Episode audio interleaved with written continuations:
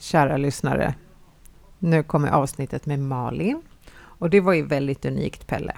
Ja, det var det verkligen. Det var väldigt spännande det här med hennes instrument som hon använde när hon mm. uh, utövar healing. Ja, för när vi startade podden då pratade vi just om att uh, många olika typer skulle kunna komma till tals. Och uh, den här gången, man skulle sammanfatta, det vi kom att prata om det var ju rösthealing. Vi mm. pratade även om eh, det som jag också tror väldigt mycket på, att man måste ligga på samma frekvens för att förstå varandra.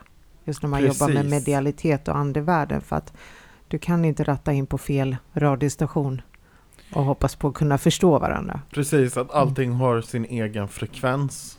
Ja, och sen andeutdrivning. Tycker du att det är lämpligt att man har med så små barn på? Ah.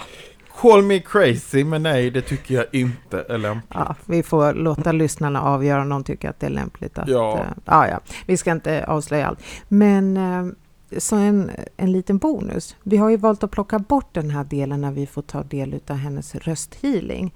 Eh, dels för att det inte är så lämpligt att lyssna på det om man sitter och kör bil eller cyklar eller rattar traktorn. Just det. Nej, för då kanske man somnar och bara tycker det är lite mysigt. Precis. Mm. Det luriga där var ju att få med, för när vi, man sitter i samma rum mm. så blir ju vibrationerna så otroligt påtagliga. Mm. Eh, och vi var ju lite oroliga där att det skulle försvinna när man, när man spelar in. Mm. Eh, jag tycker att det gör det till viss del, men man får ändå en känsla för det och, och eh, mm. det är otroligt häftiga instrument. Ja, så om universum har ett ljud så har du och jag fått uppleva det här. Ja, faktiskt. Eh, som sagt, lyssna gärna på klippet sen efteråt med själva rösthealingen. Och sen ser vi till att ni får kontaktuppgifter till Malin om ni vill uppleva det här live, vilket jag tycker alla borde få testa på. Ja, det är otroligt häftigt. Jag ska boka tid. Du bokar tid? Ja. Det glädjer mig. Och sen så gör vi en omröstning om det här med andeutdrivningen. Okej. Okay. Eller någon annan, alltså vi pratar om det så får någon annan göra det för jag vet inte hur man gör. ja, precis. Ja, nej, det, nej, det förstår jag också. Men som sagt, mycket nöje med lyssnandet och eh, vi hörs. Ja, det gör vi. Hej då. Hej då.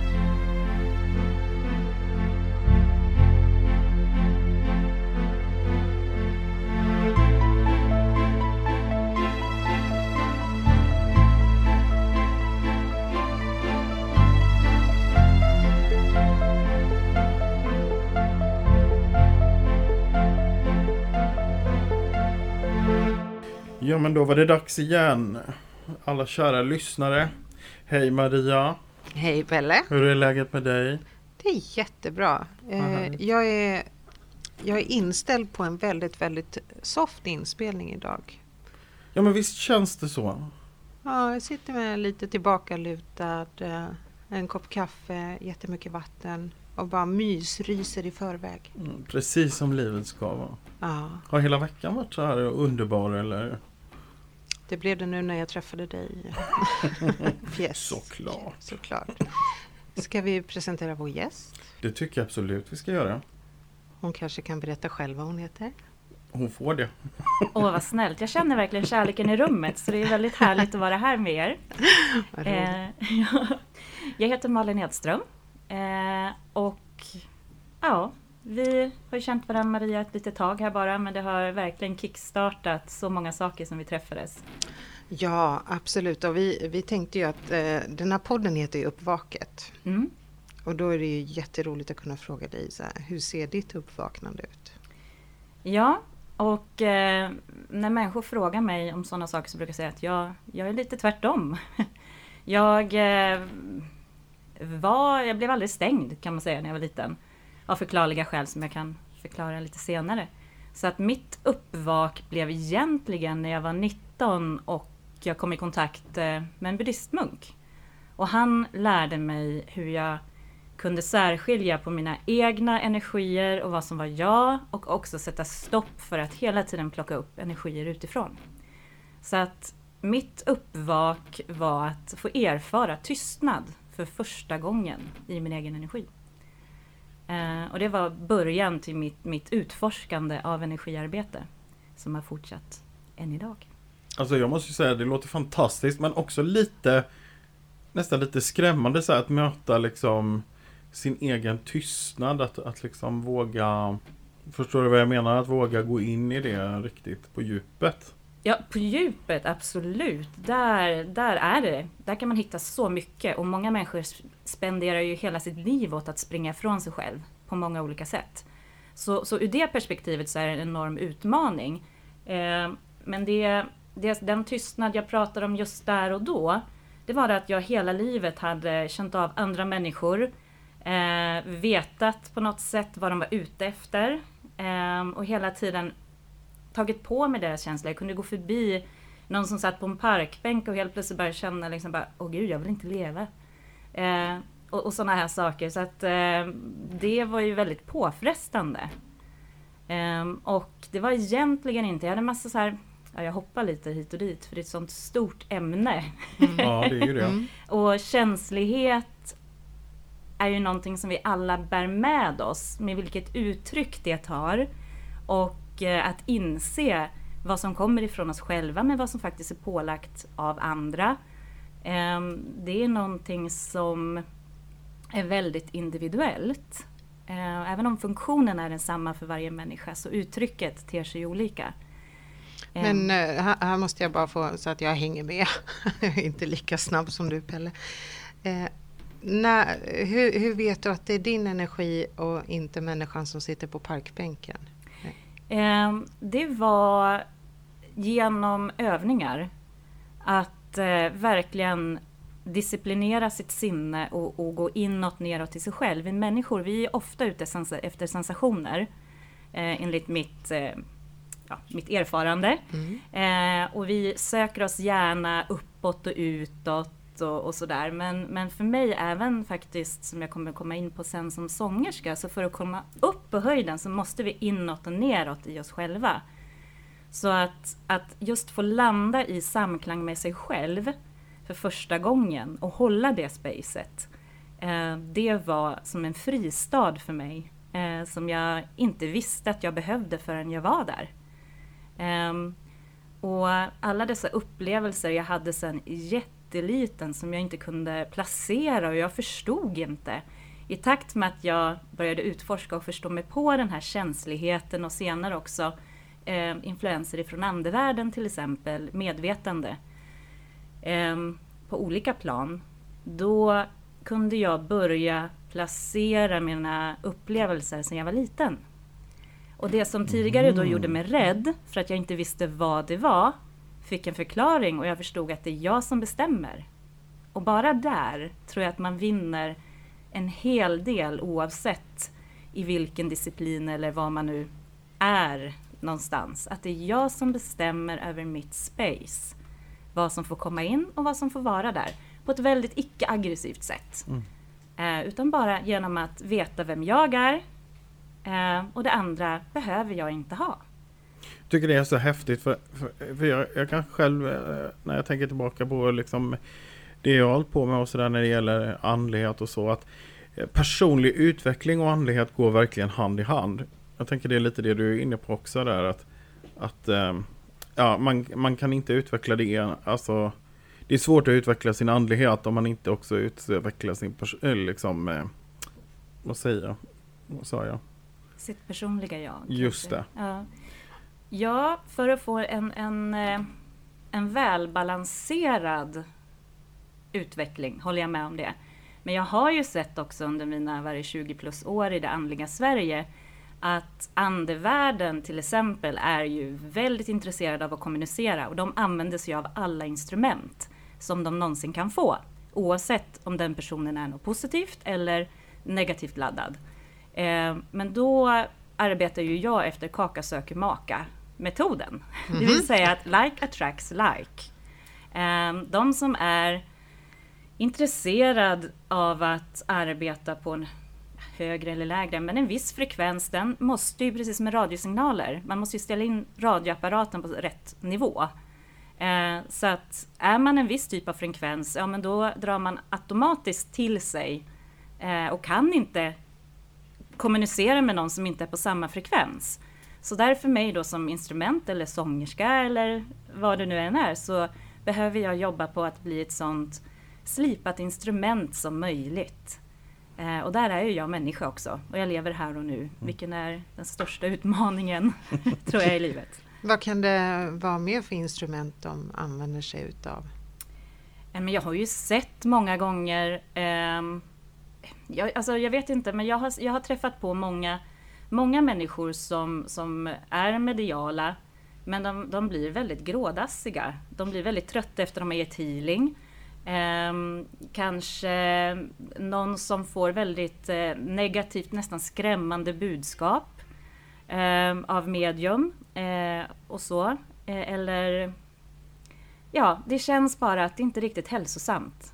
Ehm, för, för arbetar man med ande eller energi överlag eh, så är det ju väldigt viktigt att du mår likadant, om inte bättre, efter du har slutat jobba. Om någon blir mm. trött av att ge healing eller massage eller terapeutiska samtal eller bara att umgås med andra människor, det talar om för mig att då antingen så är det din egna livsenergi, den magnetiska fysiska energin som man har gett bort till någon och då kan man ju prata om energivampyrer eller sådär. Men egentligen är det din egen energi du ansvarar för, du kan inte skylla på andra. Eh, men är det då med andevärlden så kan det vara så att, att eh, budskapen kanske kommer ifrån någon individ i andevärlden som inte har utvecklat sig själv så mycket och kommer att proklamera någon sanning. Eh, och jag tror att man ska vara väldigt försiktig ifall det är någon som kommer ner och proklamerar sanningar överlag, oavsett om det är um, medicinmän, uh, det vet jag, försäkringsförsäljare eller präster eller medium. Pelle, har du förslag på vilken gäst vi tar in när vi ska prata etik och moral? det känns som du är ute och fiskar nu. Eh, skulle jag, är det något särskilt? Ja, jag tänkte på? att jag, jag vill lägga den här bollen i ditt knä. Att vi måste ha ett helt avsnitt som just det här hur man beter sig etiskt. Ja, och det är ju jätteviktigt. Det är mm. ju jätteviktiga grejer. För att det här jo, med att man måste ju må bra. Okej okay, om du är den som ger healing. Men du måste ju också må bra om du har fått healing. Mm. Eller om du har suttit och fått en massa budskap. Du ska inte gå därifrån axlarna hängandes och Nej, verkligen inte. Verkligen inte. Då har man väl ett enormt etiskt ansvar. Ja.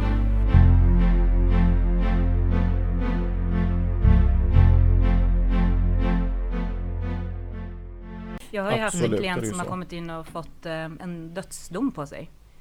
Kommer helt förstörd, för då är det ett medium, under utbildning visserligen, men som drömde att den här personen skulle dö 4 april. Eh, ringer till sin lärare och undrar, ska jag berätta det här? Läraren är väldigt eh, väletablerad i Sverige. Läraren säger ja. Mm. Den här mm. eleven då ringer till den här personen och berättar att jo, men du kommer dö den 4 april. Den här personen hade inte vågat gå ut på flera månader. Alltså det var något av det sjukaste jag har hört. Ja. Det är ju helt, alltså hur kan man säga en sån sak? Ja, och hur man då som lärare eh, säger till en elev att jo men det här måste du berätta. För jag förstår inte ens syftet. Nej. Nej, exakt. Och det är där jag alltid, vad är syftet? Med all, all fenomen, all känslighet, är det ett syfte som gagnar eller är det ett syfte som inte är hälsosamt eller ergonomiskt? Det är verkligen så jag, jag eh, mm. tänker med, med det mesta inom den här världen. Och där ser jag mycket som är väldigt fint och det kommer från hjärtat och med kärlek. Men också vissa saker som jag undrar, hur tänker man nu? Mm. Alltså vad, vad, hur ser man på, på sitt eget utövande? Och mm. vilken kunskap har man fått med sig också? Och förklara fenomen, förklara och veta hur allting hänger ihop. Eller åtminstone kunna säga att jo men det verkar som att. Um, för det finns ju många som har utforskat mycket. Så det finns mycket kunskap att, att förkovra sig i. Och där tror mm, jag ja, att vi har ett, ett stort mm. ansvar mm. som instrument då, att bli så skarpt och välriktat som mm. möjligt. Och jag tycker inte heller vi ska fokusera så mycket på det dåliga och det negativa som, som finns i den här världen. Men om jag bara tänker på när man själv har suttit med någon som vill kanske att man ska eh, lägga lite kort när vi har pratat och mm. jobba med det mediala. jag märker i alla fall att när den seansen är över, det är knappt man minns vad man har sagt till den personen. Och det är därför jag också ifrågasätter, varför är det så viktigt att berätta för någon att du, du kommer dö den 4 april? För eh, en timme senare så har man ju oftast glömt bort det här. Men det här måste jag ha malt om man har ringt upp sin lärare och sagt, ah, ska jag berätta det? Jag kan verkligen inte förstå syftet. Nej, vet, man vet knappt vad man ska säga. jag tycker det är helt hårresande. Ja. Ja. Finns det någon sån allmänna reklamationsnämnden för medier? Ja. Mm. Ja, förlåt. Ja, nej, jag, jag bara, jag bara tänkte på, eh, jag kom på att jag, har hört lite grann om att det skulle startas ett eh, mediumförbund. Jag tror de eh, bytte namn här nu, inte medieförbundet heter de, någonting annat som jag inte kommer ihåg. Men eh, de försöker ju också ta fram lite grann med just det här med etiska riktlinjer och i alla fall belysa det. Eh, för att utövare i den här branschen ska eh, kunna få mer kunskap och, och fundera över mm. de här frågorna och jag tror det är jätteviktigt. Det tror jag också, mm. för jag menar i England är det ju redan reglerat på ett annat sätt. Men i och med mm. att det är reglerat och liksom har en norm vad man får göra och inte göra då är det ju så att medium där kan bli ministrar och få viga, döpa och begrava eh, helt lagligt och också bli eh, inkallade eh, i tjänst som eh, själavård. Mm. Och healers som är utbildade i England får komma in och ge behandlingar på sjukhus och får betalt då av deras eh, ja, vad ska man säga, socialförsäkring. Mm. Eh, men då, då har man ju ett helt annat eh, koncept över vad som är okej. Okay. Så jag, jag tror det kommer bli jättebra att man pratar etik och moral mer och mer. Eh, och bildar ett förbund även om det är svårt eftersom det är så, mm. så många genrer som ska in. Mm.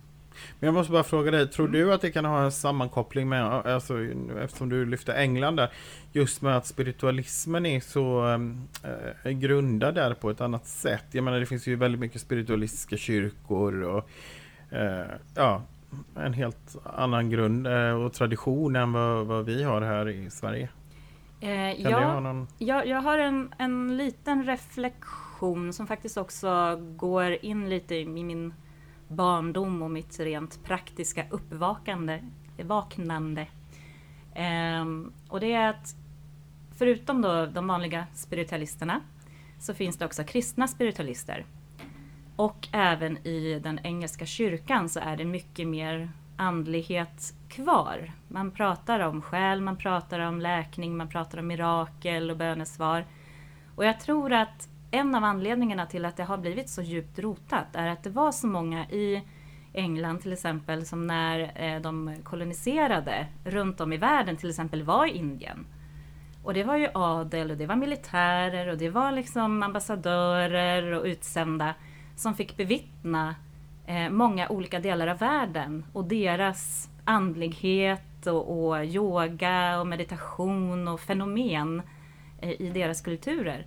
Och då hade ju de upplevelser. Det var ju de som kom tillbaka till England och ja, började fortsätta med detta eh, och utforska på sitt sätt. Så att jag tror att väldigt mycket beror på att det var rätt folk, eh, rent krast, eh, som eh, fick med sig det här och så spred det sig.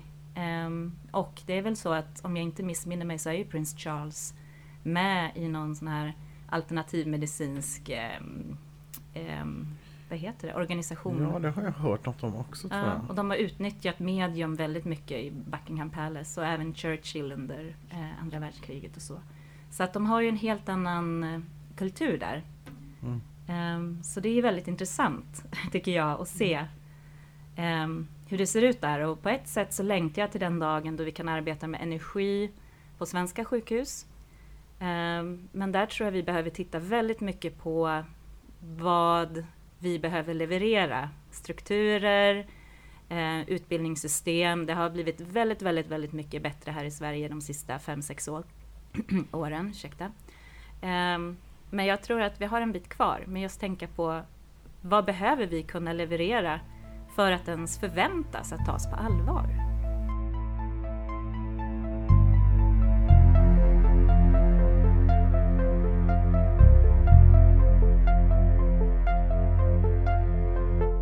Du var inne på någonting eh, nyss när du sa om din barndom. Ja, ja. Mm. eh, ja. Eh, det är ju så. Eh, intressant att jag är ju då uppväxt i en prästfamilj. Eh, och sen på det glada 70-talet så var min mor och min far väldigt eh, ambitiösa och tyckte att nu ska vi återuppliva andekraften i Svenska kyrkan. Det glada 70-talet, mm. vet ni, där skulle det mycket till. Eh, så de åkte till England och fick kontakt med en väldigt, väldigt eh, aktiv eh, eh grupp där de sysslade med healing. De sysslade aktivt med att eh, lära sig tala i tungor, eh, men också andutdrivningar. Mm-hmm. Är det, var det en, en rest av det här Jesusfolket som var väldigt poppis på 70-talet här i Sverige också? Eh, osäkert. Okay. Eh, jag vet att det finns många, många olika grupper och det var mycket läger och sånt där av olika slag. Mm. Eh, men den här hade någon Colin, jag kommer knappt ihåg vad han hette där, men, men um, Earth Heart, Earth Cart eller något sånt där. Eh, som, som hade kontakter här med Sverige. Och då började de syssla med andutdrivningar och sånt nere på västkusten där vi bodde när jag var, ja, föddes. Och sen så, vi flyttade därifrån när jag var tre. Ehm, och det här visste ju inte jag om. Så att jag vet ju bara vilka upplevelser jag hade som var så extremt tydliga som ett litet barn inte kanske kan liksom fantisera sig ihop med mm. den begreppsvärld eh, som, som man har som så liten. Eh, utan det var när jag blev äldre då förstod jag att, ja, men vänta lite det här, det här var ju faktiskt andliga upplevelser eh, och andliga resor. För det är sådana här väldigt, eller, eller, inte viktiga, men väldigt eh, eh, sanna drömmar eller mm. upplevelser. Och jag kommer fortfarande ihåg bilder av vissa mindre positiva människor som, mm jag, som jag såg och som, som gjorde saker. Eh, eller dök upp och skrämde mig som liten eftersom jag inte visste vad det var. Eh, och jag har bara levt med de där minnena och fått förklaringen sen senare att jo men det där var ju faktiskt inte den här världen jag såg och upplevde. Men jag visste ju inte varför. Så för kanske fyra, fem år sedan pratade jag med min mamma till slut. Eh, och hon har ju trott att jag kommer komma till helvetet eftersom jag inte jobbade med Jesu kärlek. Hon sörjde det väldigt sådär när jag blev elev åt en buddhistmunk när jag var 19. Ehm, och det var första gången vi kunde prata. För hon är ju en sån, så där, behöver du någonting?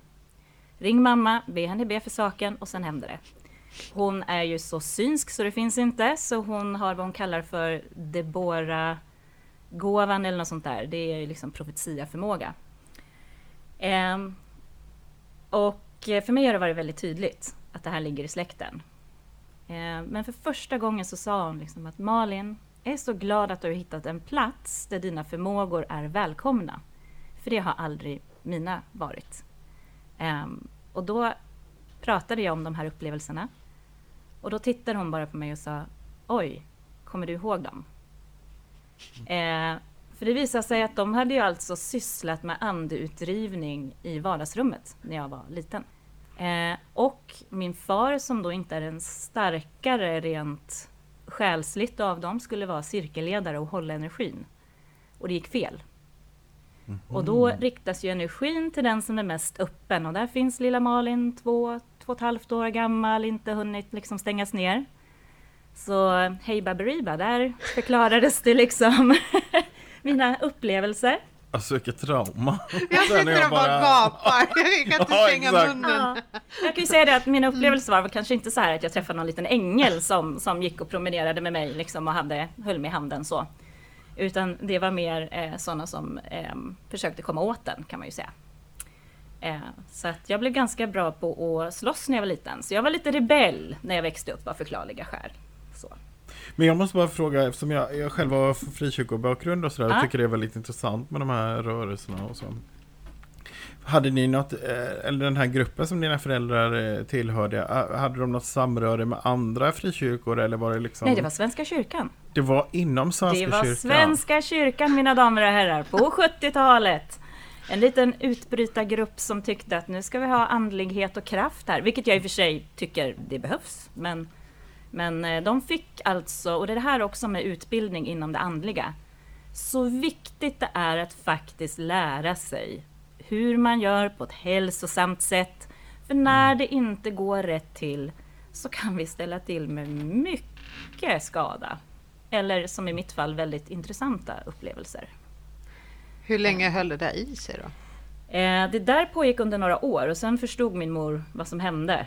Och sen så har hon berättat för mig då också att hon faktiskt försökte, i och för sig via böner och så, lägga beskydd eh, mm. runt mig.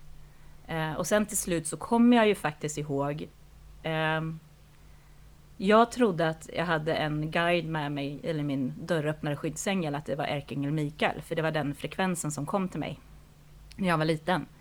Eh, och sen så när jag var 25 så, jag tror jag var 25, osäkert. Ni vet tid, nu är man ju mm. 42 va, liksom, ja. så att eh, det här med år och sånt. Mm, jag börjar förstå mig på det här med tiden är en illusion. Men hur som helst, så när jag gick healingutbildningen så kom det en eh, lärare från England till oss. Och så skulle vi komma i kontakt med våran dörröppnare och sen så eh, förklarade jag att det var ärkeängel Mikael och han bara, ja men tror du inte ärkeängel Mikael att han har bättre för sig än att liksom just hänga med dig? Eh, och jag blev ju jättesur. För att ärkingen Mikael har ju varit med mig hela livet och vi har haft massa upplevelser ihop och sådär. Så att eh, ja, jag blev lite stött så att säga. Eh, men då så förklarar han liksom att jo, men, alltså, de, tar ju, de är ju intelligenta så att de tar ju en form som är greppbar för dig. Och då började jag tänka till, men det låter ju vettigt för det finns ju liknande väsen i de olika kulturerna som har samma funktion och drag. Så det var okej, okay, men jag ger en chans. Och då försvann vingarna. ja, det var ju lite surt att erkänna. Eh, men eh, det var ju fortfarande samma schyssta känsla och trygghet som kom med den eh, frekvensen. Och sen försvann det här heliga ljuset runt. Eh, men eh, jag har ju fortfarande samma kick-ass assistans liksom med mig. Malin ska vara det bästa. Eller hur? Fuskigt. Men eh, ja, så. Så att där, men, men, den energin i alla fall hjälpte mig sen när jag var, när jag var yngre eh, och få lite lugn och ro. Så hon hade gjort sitt bästa mm. eh, och reparera. Och det, då föll verkligen alla bitar på plats. Men det tog ju väldigt många år innan jag fick förståelse för det. Mm. Um, men jag tänker, vad händer med ett, alltså spontant, vad händer med ett litet barn som bevittnar sådana här saker, alltså som, som du beskriver andutdrivning och sådär i vardagsrummet. Och, alltså det är ju ett väldigt trauma måste det ju vara. Jag, jag var ju inte i vardagsrummet samtidigt. Eh, Nej. Jag var ju i, tillsammans med min syster liksom, i vårt gemensamma sovrum. Att vara inblandad eller i närheten av situationer eh, som är väldigt, väldigt känslomässigt laddade har ju satt sina spår. Mm. Men det var ju på det glada 70-talet, då var ju alla, alla med och, och det var ju inget ont menat. Jag brukar säga det, det är synd att vi inte lever på 70-talet för då var både tobak och socker helt ofarligt. Ja, jag har gett mina barn kräm till mellis. Idag blir man ju sossanmäld om man skulle ge dem lite hallonkräm efter, efter Men kör lite andutdrivning i vardagsrummet, det är det ingen mm. som har reglerat mot tror jag. Nu tror jag vi kommer få jättemånga mejl för jag hörde mig själv säga ordet dagis. Ja just det, det heter faktiskt förskola. Förskola, mm. sorry. Ja, nej. Men grejen är det att, att eh, jag har aldrig egentligen reflekterat över att det skulle ha varit särskilt traumatiskt utan det har ju varit en så naturlig del av mig sen. Eh, att jag har sett och mm. vetat och, och, och liksom också hållit mig undan väldigt mycket. Jag, har, jag var ju rebell då, då som sagt och jag skulle egentligen ha råkat väldigt illa ut eh, när jag har rymt hemifrån och jag har gjort det ena och det andra, åkt runt med äldre människor i bilar med någon kompis och mm. liksom sånt där. Jag borde ha råkat jätteilla ut. Men, men det har jag inte. Eh, så att på något sätt så, så har jag lyckats med hjälp av den känsligheten som jag fick då manövrerat mig runt saker och ting också. Så att det är verkligen inte att det är till något negativt eh, på det sättet. Men mycket av de här att jag plockar upp något och inte vet vad det är. Den rädslan Eh, för då blir det lite som ett monster under sängen. Innan man vet vad ja, det är det. för någonting där. Eh, då, då, då går man ju rädd. Det är liksom som att man har en liten apa på axeln och som sitter där liksom och bara killar den i håret. Så när man vänder sig om så bara jaha, det var bara en liten apa. Ja, eh, precis. När man väl eh, förstår vad det handlar om. Ja. Eh, så för mig så har den skillnaden när jag började utforska det har gett mig en större förståelse för, för allt som jag har varit med om och så. Um, Så att jag, jag skulle faktiskt inte ändra någonting. Tror det eller ej. Men, eh, Nej, det är ju en fantastisk erfarenhet då. Ja. ja.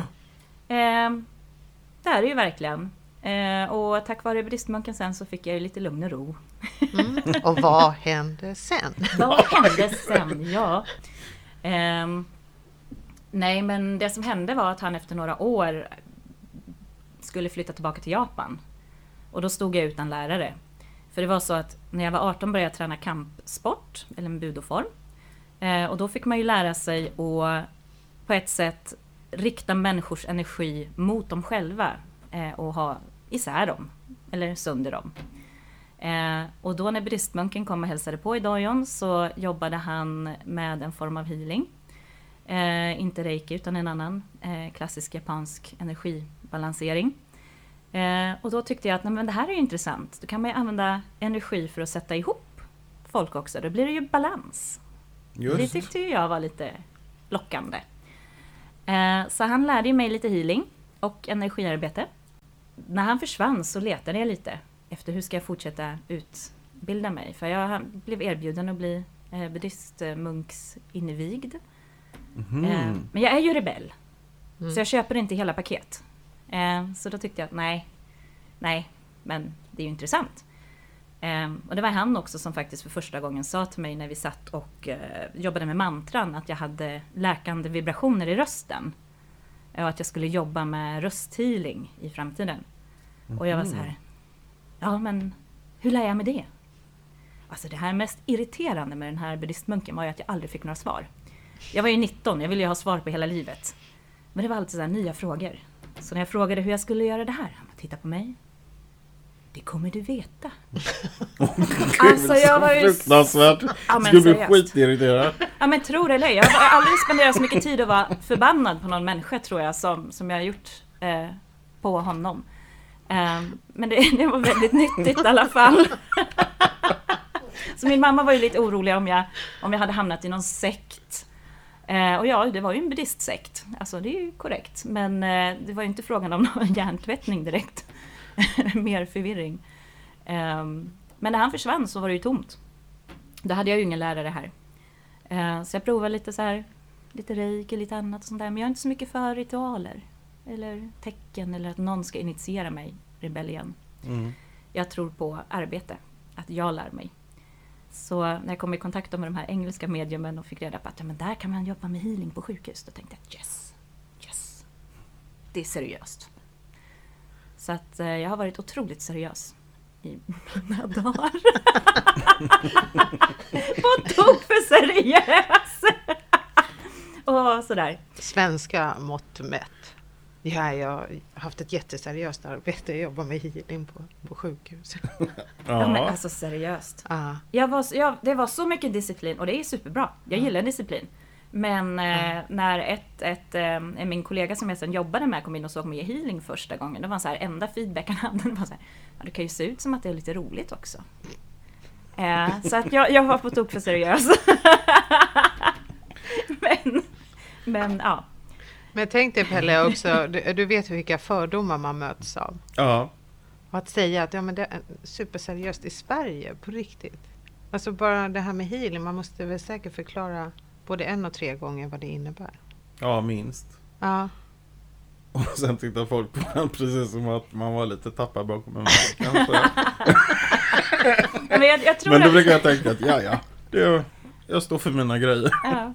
Men, jag, men jag tror att om man bara pratar med en person om att ja, visst, vi har vår kropp, vi har våra känslor, vi har våra tankar. Det, det liksom, kan de flesta hålla med om. Mm. Och sen så kan man prata om att vi har ju någonting annat också, våran livsgnista eller kanske våran själ som är lite mer diffust att prata om. Men det håller ju människor med om på något sätt. Mm. Eh, och om man då, som i England, har erkänt att man läker bättre i kroppen om själen mår bra eh, då har man en helt annan ingångsvinkel på det hela. Ja, eh, absolut. Så. så. att i spiritual healing så pratar vi om att läkningen går inifrån och ut. Mitt jobb som healer är att vara neutral och bara skapa förutsättningarna där mottagarens själ vet vad personen behöver och gör och aktiverar läkningen. Du kan tro jättemycket att du vet vad problemet är. jag som ser det kan tro att din axel som uppenbarligen är spänd, att det är där problemet ligger. Men egentligen så kanske källan och det man behöver för att komma ur det hela är att själen, kroppen, tankarna och känslorna får liksom hamna i samklang och bara vara tillsammans och få tillbaka sin naturliga frekvens som då är frisk, sund och hel. Alltså det låter helt fantastiskt. Kan man boka tid hos dig?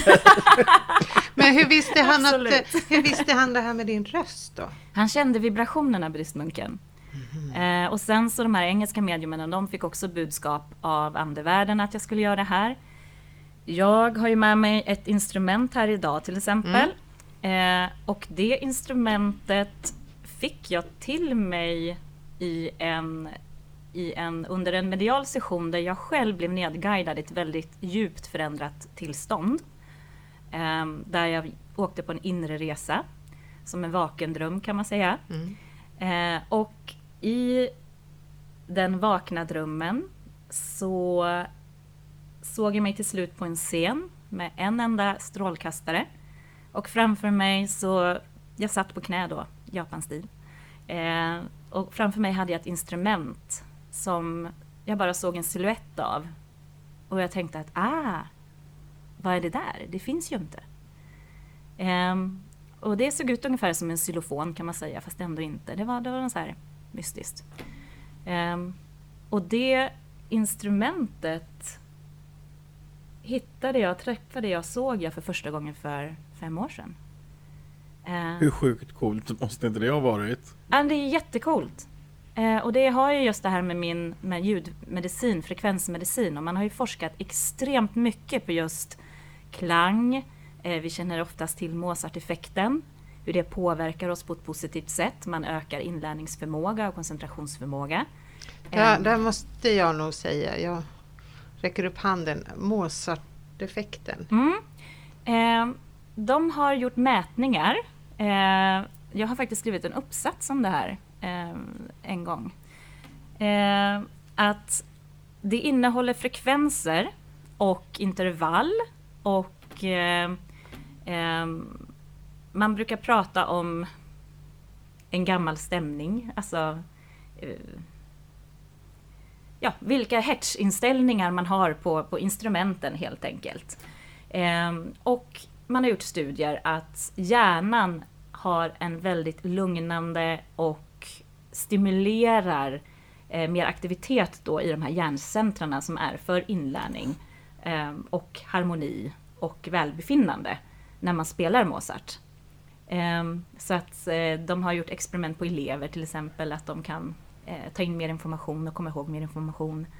Ehm, man har gjort massa forskning på foster i magen, vad det är som, som, som gör det välbefinnande och då är det faktiskt moderns röst som vibrationerna går in i. Och så om modern snackar snälla saker mm. så kan man mäta positiva effekter på fostret. Men om modern som experiment eh, pratar eh, negativa och hemska saker, då blir det stressreaktioner i fostret. Ehm, så att det här med vibration och frekvens är ju någonting som Pythagoras ehm, i Grekens, Greklands antik ehm, höll på mycket med. Och han hade ju verkligen räknat ut då att ja, men varje planet, varje eh, himlakropp har sin egen vibration och omlopp och frekvens och alltså ett eget ljud. Så där föddes idén om att universum är skapat av frekvenser och musik. Och om denna sfäriska kör, sfäriska musik, stannar av så finns inte skapelsen längre. Där hade man också idéer om att det fanns då sfärens musik, som jag pratade om nyss, men också den mänskliga kroppens musik.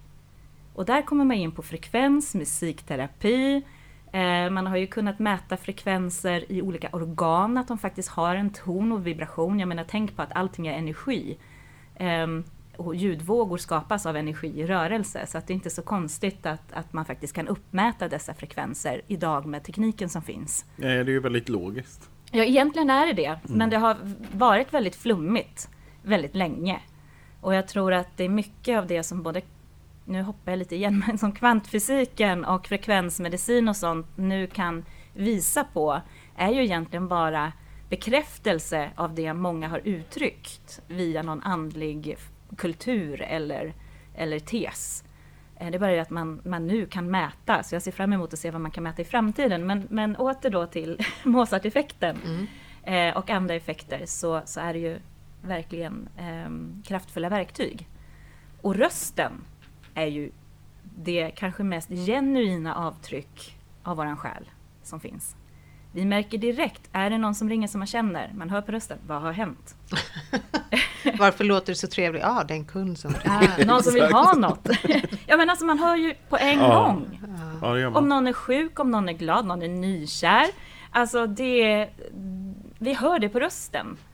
Eh, och då en av de mest, får man säga orgasmiska i den här podden? Ja, gud. Ja, en av de mest orgasmiska upplevelser jag haft har varit just när jag har suttit och ljudat, vibrerat. Och det känns som varje cell i min kropp bara löses upp och vibrerar och det finns liksom ingen början, inget slut utan det bara är. Vibration, klang, flöde.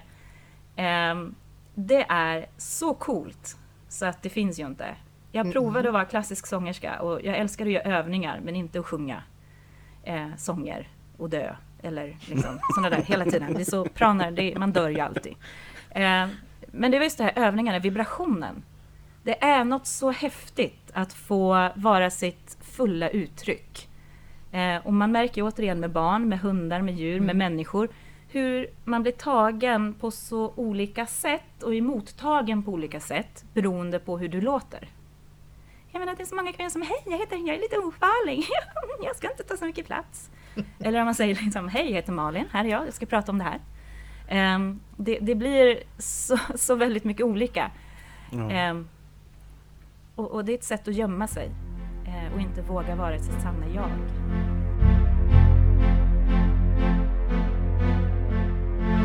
Också en eh, rolig reflektion. Jag skulle kunna ge bort mitt förstfödda barn för att ha en sångröst.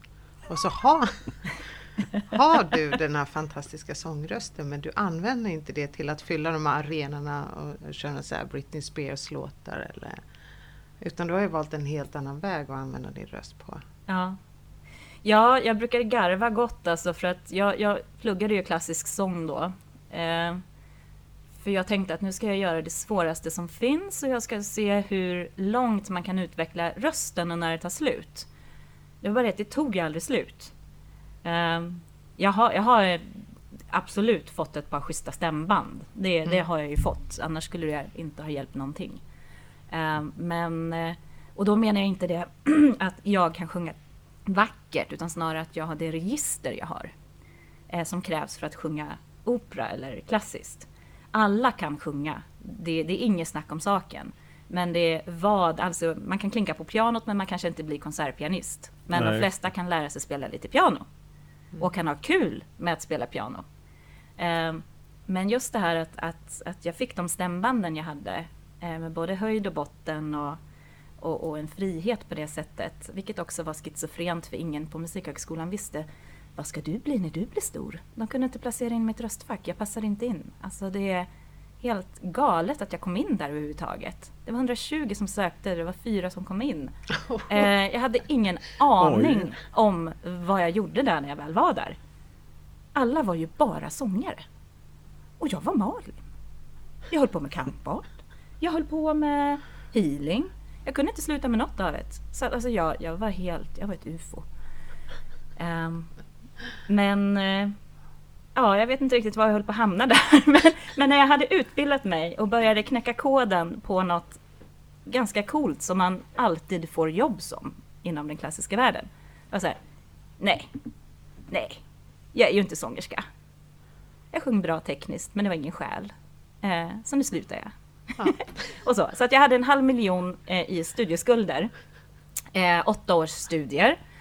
Eh, precis börjat få intresse för min röst av andra människor, att folk pratade om mig som något intressant att hålla ögonen på.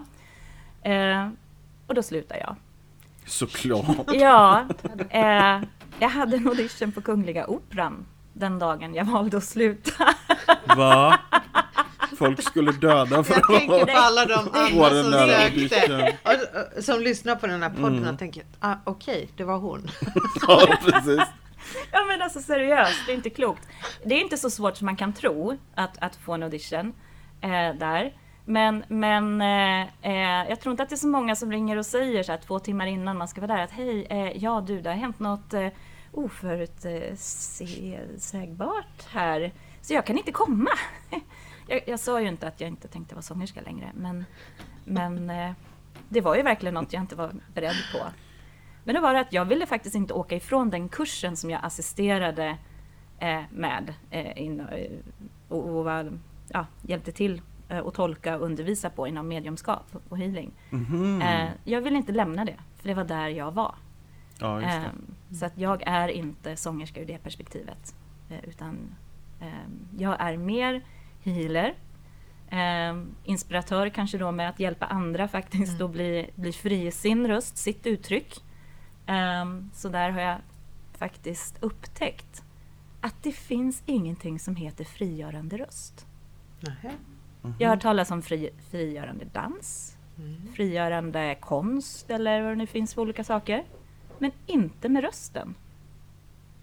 Eh, så det, det har blivit min grej här sista tiden. Att eh, skaka loss människor, ha kul! Inte för att prestera, för pratar man röst då tänker alla sång. Och då tänker man så här, nej nu måste jag vara så himla, du måste sjunga snyggt, du måste sjunga jättebra. Men nej. Ja, just det, men att det är roligt liksom. Ja, Att det- och att det får låta fult! Ja. Maria, du har ju hört mig. Jag har När jag har gjort eh, Crystal, eh, nej, Sacred Sound Journey, jag vet inte ens Ah. vad det heter. och det kan vara fult. Det behöver inte alltid vara snyggt. Det kan vara rått, Mm. det kan vara ganska brutalt, oslipat Mm. och det kan vara jättevackert. Men alltså det är ljud, det är klang, det är vibration. Eh, Men det är också den här fantastiska kombinationen med det här instrumentet som du har. ja, det, den är ju väldigt terapeutisk. Eh, Ja, jag fick ju möjligheten att prova. Jag låg ju ner när du drog igång kalaset. Och det kändes som att ljudet kommer in, in via fötterna. Pelle, Gud, det titta inte på jag mig är, sådär. Jo, men jag är lite avundsjuk. Jaha, det var avund. Eh, Ja. Jag kunde inte tolka hans blick. Jag trodde det var uppspärrade ögon. Nej, Men men den där gröna tonen helt, på hans hud, den borde ha gett lite indikationer. Ja, jag tyckte han hade så uppspärrade ögon när han tittade på mig. Jag tänkte, vad pratar hon om? Jag tyckte det var så öppen för nya saker. Nej, det var jätterolig upplevelse. Ja. Och jag fick eh, känna det två gånger. Det var samma, eh, samma känsla bägge gångerna. Mm. Att det är som ljudet kommer in via fötterna. Men, men det måste finnas en naturlig förklaring för det också. Som du var inne på det här med energier och vibrationer. Det var Mm, det som mm. det handlade om. Och, och det, det är ju lustigt att du säger att det kommer in genom fötterna. För att det är ju din unika upplevelse. Alla är ju olika återigen. Så att en del de, de hamnar ju på fina resor och jag vet att en kvinna eh, för första gången kände hur det började pirra i hennes axel och då är det nerver som läkaren säger att här kommer du inte ha någon känsel. Sen efteråt så hade hon känsel. Eh, och jag kan inte säga att det beror på just det här, men under just de förutsättningarna som var just där och då så började det hända. Kanske hamnade hon på en plats i sig själv där kroppen hade en, en möjlighet att eh, komma i sin egna sanna vibration. För alla celler vill ju vibrera optimalt. Det är ju vår grundstruktur. Ja, just det. För att allting ska harmoniera och fungera. Ja, och, Är det- och det är, är det- kvantfysiskt. All energi vill vibrera optimalt. Och har vi en optimal vibration av våran cell så är det en frisk cell. Nu måste jag fråga, är det fräckt att be om ett litet smakprov? Mm, Jag tycker mer man kan säga att det, det måste vara ett krav att få ett smakprov. Lås dörrarna, Malin lämnar inte Ja. lokalen. Jag tror jag har pratat tillräckligt i alla fall för ett tag. Ja, jag känner mig helt tagen. Jag tycker det är så otroligt spännande och så intressant. Ja, jag tycker det är jättespännande. Ja, ja jag kan ju säga att eh, miljön är ju något annorlunda just här idag eftersom vi sitter mitt i en eh, podcast. Mhm. Men eh, ni är ju människor. Ehm, hoppas jag. Eller, Jag man vet ju aldrig. Men, men ni verkar vara någon form av levande väsen i alla fall. Så, så långt kan vi ju säga. Eh, och eh, Ja, ljud är ju... ja, precis. Eller vilken planet kom du ifrån nu igen? Jag ja, det är lite osäkert. Det bråkar psykiatriker och psykologer om. Får svar på tid. Åh det var så ja. roligt. På tal om...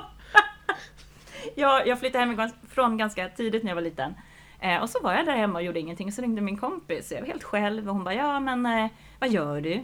Jag bara, nej vi gör ingenting. Eh, vilka vi? Jag bara, jag och mina egon. Eh, och sen dess så har ju det liksom blivit etablerat. Så här. Ja, herregud. Så jag känner, jag känner med dig. Ja, det är fint. Ja. Det är bra. Ja. Så det var ett väldigt ödmjukt sätt du presenterade dig själv när jag frågade dig i början av podden då att ja, vem är det vi har här då? Då sa du bara Malin.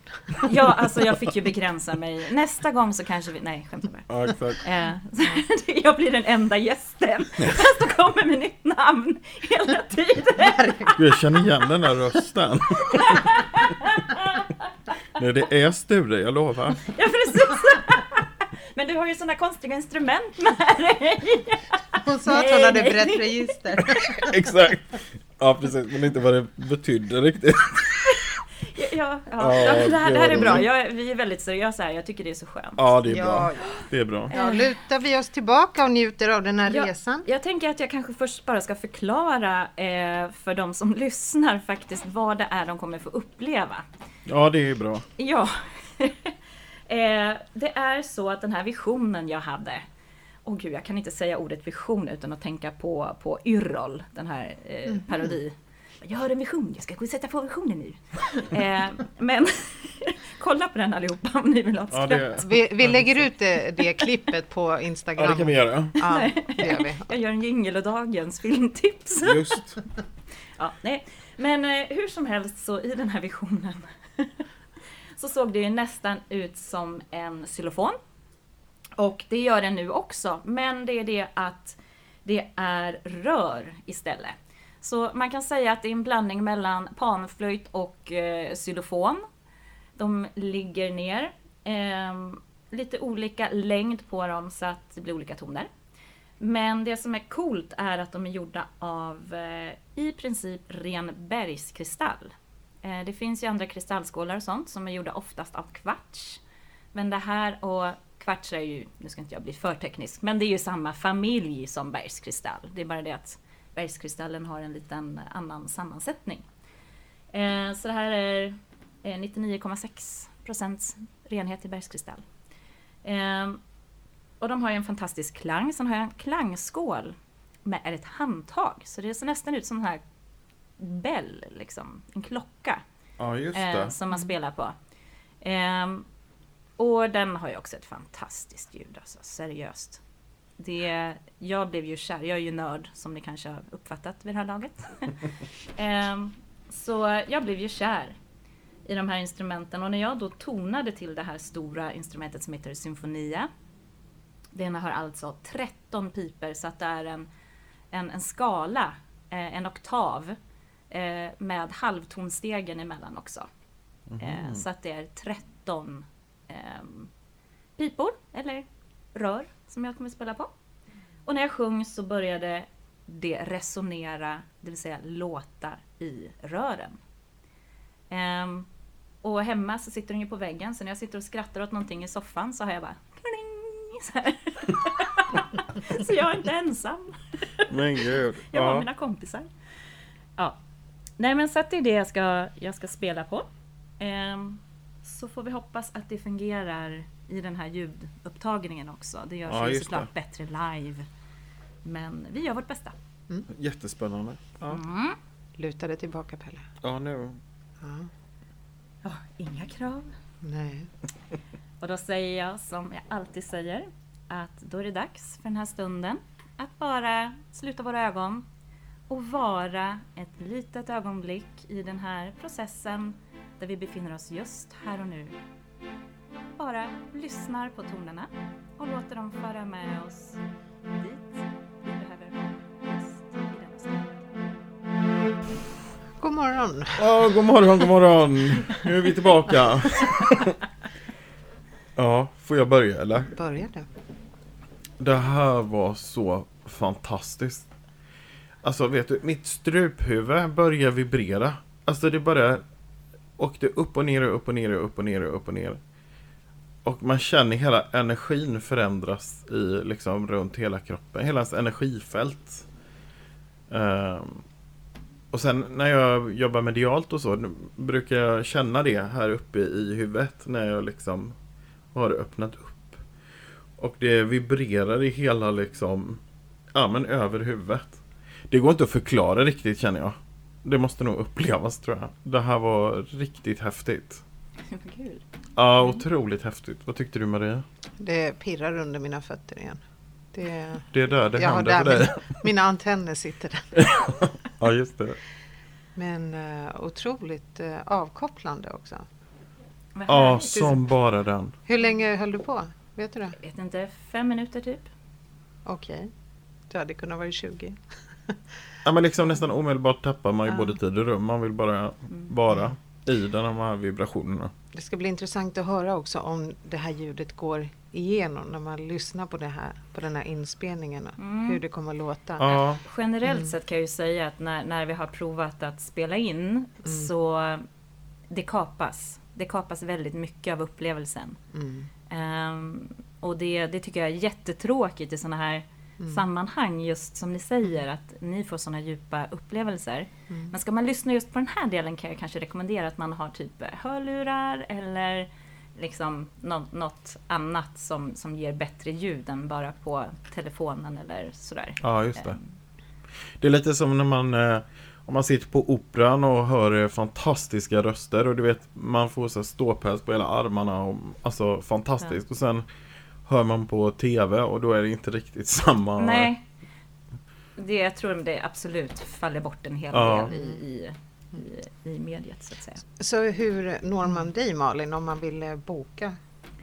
Ja, boka dig? Eh, nu, nu är jag som så många andra musiker och energiarbetare mm, att, att synas i social media eller sådär kanske inte mitt bästa forum. Mm. Eh, men jag har en hemsida, mm. malinedstrom.se. Så att där kan man eh, titta lite mer mm. om eh, ja, vad jag...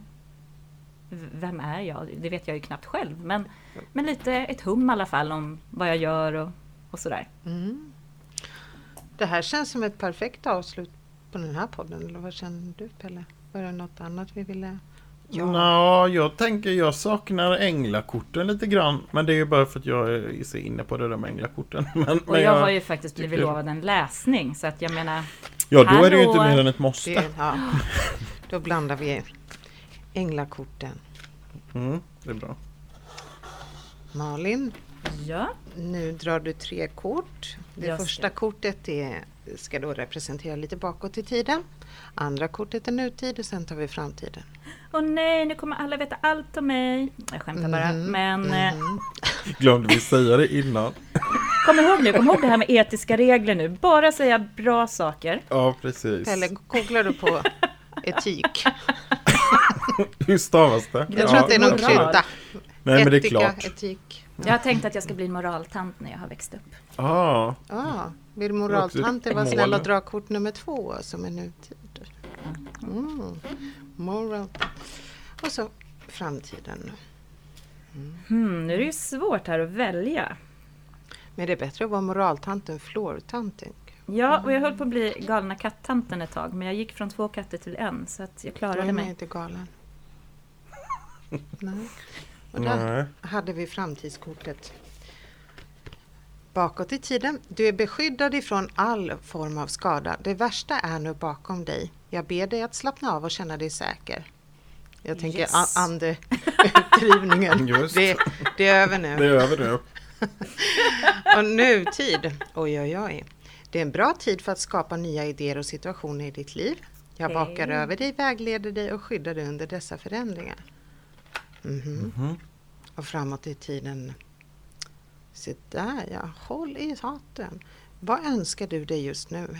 Visualisera det och det kommer att inträffa. Negativitet kommer att hindra din utveckling. Hmm. Hur tolkar du det här, du som är medial? Vad ska jag göra jobbet nu? Nej, men jag tänkte, jag såg ju på dig att det var ju tusen tankar som fladdrade igenom där. Känns som du redan någonstans innerst inne vet vad jag pratar om. Ja, men alltså det är ju som med alla tolkningar, eh, när det gäller att titta på sig själv, då blir man ju lite smått eh, bias. Eh, sådär. Eh, så att hade det hjälpt någon annan så hade jag kunnat läsa dem mer opartiskt. Mm. Men det är klart att man, man skrattar ju lite gott med tanke på att jag vet var jag befinner mig i mitt liv just nu. Mm. Så jag låter er prata först och sen kan jag berätta. Mm. Så... Mm. Jag ser bara den här resan som du är inne på just nu. Det här verktyget som du arbetar med idag. Jag tror att eh, du har du är ju inne på en stig som ingen annan har valt. Dels vet jag att det här instrumentet du har, det är väldigt unikt. Det är ingen annan som har ett sånt här instrument och jag tror att det är... Det är I det, Sverige. I Sverige, förlåt. I Sverige kanske finns i världen, men i Sverige är du ensam om det. Och, och jag tror att jag har kommit på att eh, eh, öppna upp det här med rösten och vibrationen så att du är inne på en alldeles egen bana. Och det känns som att nu får du hjälp utifrån för att förverkliga den här drömmen, den här visionen som du har eh, att skapa någonting utav det. Och sen också egentligen återigen lite det här attraktionslagen, att du bör, måste börja visualisera det du vill ha. För att hur ska annars hjärnan och varje cell i din kropp kunna hjälpa dig att nå det när man inte vet vart, vart är vi på väg, vad är det vi vill nå. Så det är nog eh, en påminnelse om det du redan vet.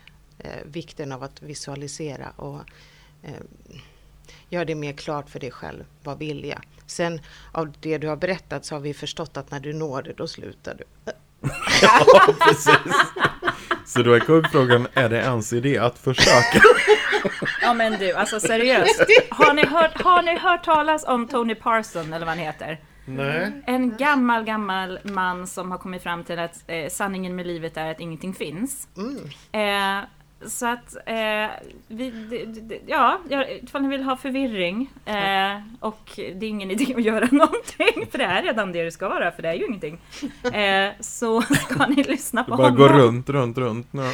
ja, det ska Pelle analysera i nästa avsnitt. Ja, det, precis. Det, det, är väldigt härligt att se människor ringer in och vill ha svar på alla livets frågor och blir jätteförvirrade mm. och glada. Mm. Tack för all förvirring du har skapat här hos oss idag. Ja, det var fint sagt. Jag kommer sova så gott i natt. Jag känner på mig. Jag kommer nog behöva lyssna på det avsnittet två gånger till innan, innan jag förstår precis Men det, vad det är ju farligt mm. att, att låta mig börja prata om något, för jag är ju som nörd. Ja, men det är så otroligt fascinerande om man vill bara liksom bara ta in någonting och lyssna mer och höra mer. Och, jag tycker det är jättefascinerande och eh, det här var verkligen en upplevelse. Eh, jag skulle önska att alla fick uppleva det. Jag tyckte det var väldigt, väldigt starkt. Ja, jättehäftigt. Mm. Jättehäftigt. Mm. Vi lägger eh, ut dina kontaktuppgifter om inte du misstycker det. Eh, vi skriver på Instagram, vi kommer lägga ut det på Facebook. Så att eh, alla som vill uppleva det här live kan ta direkt kontakt med dig. Definitivt. Vi ställer upp som referenser, det pirrar i fötterna. Så jättetack för den här upplevelsen Malin. Helt fantastiskt ja, roligt att ha tack. det här. Tack själv, det var jättekul att vara här och skapa förvirring. Härligt! Hej då Pelle! Hej då Maria! Hej då Malin! Hej då allihop!